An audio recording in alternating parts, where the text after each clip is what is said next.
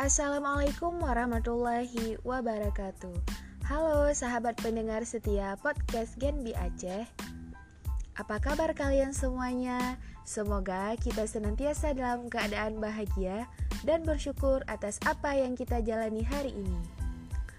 Oke baiklah, perkenalkan aku Mintan Liana Dalam kesempatan kali ini aku akan membahas tentang pentingnya berorganisasi Sebelum kita tahu seberapa penting berorganisasi, alangkah lebih baiknya kita tahu dulu apa sih organisasi itu.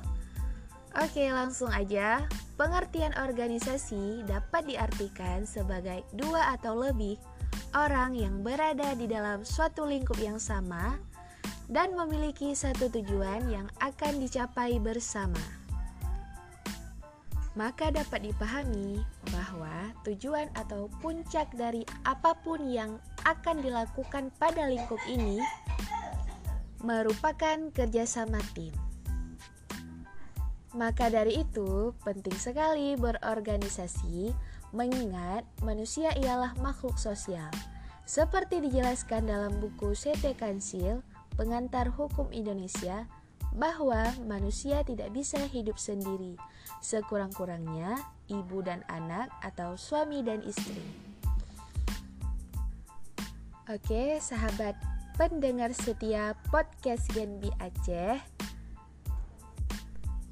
Nah, dalam berorganisasi versi aku ada beberapa manfaat yang bisa diperoleh bagi kehidupan kita sehari-hari atau sebagai landasan interaksi sosial kita dalam lingkungan masyarakat. Yang pertama, belajar mengembangkan kemampuan public speaking. Yang kedua, melatih jiwa kepemimpinan. Yang ketiga, membentuk emotional intelligence. Oke, karena bahasa intelijen agak sedikit ambigu, saya akan jelaskan. Dalam berorganisasi, kita menyumpai banyak orang dengan berbagai macam pemikiran.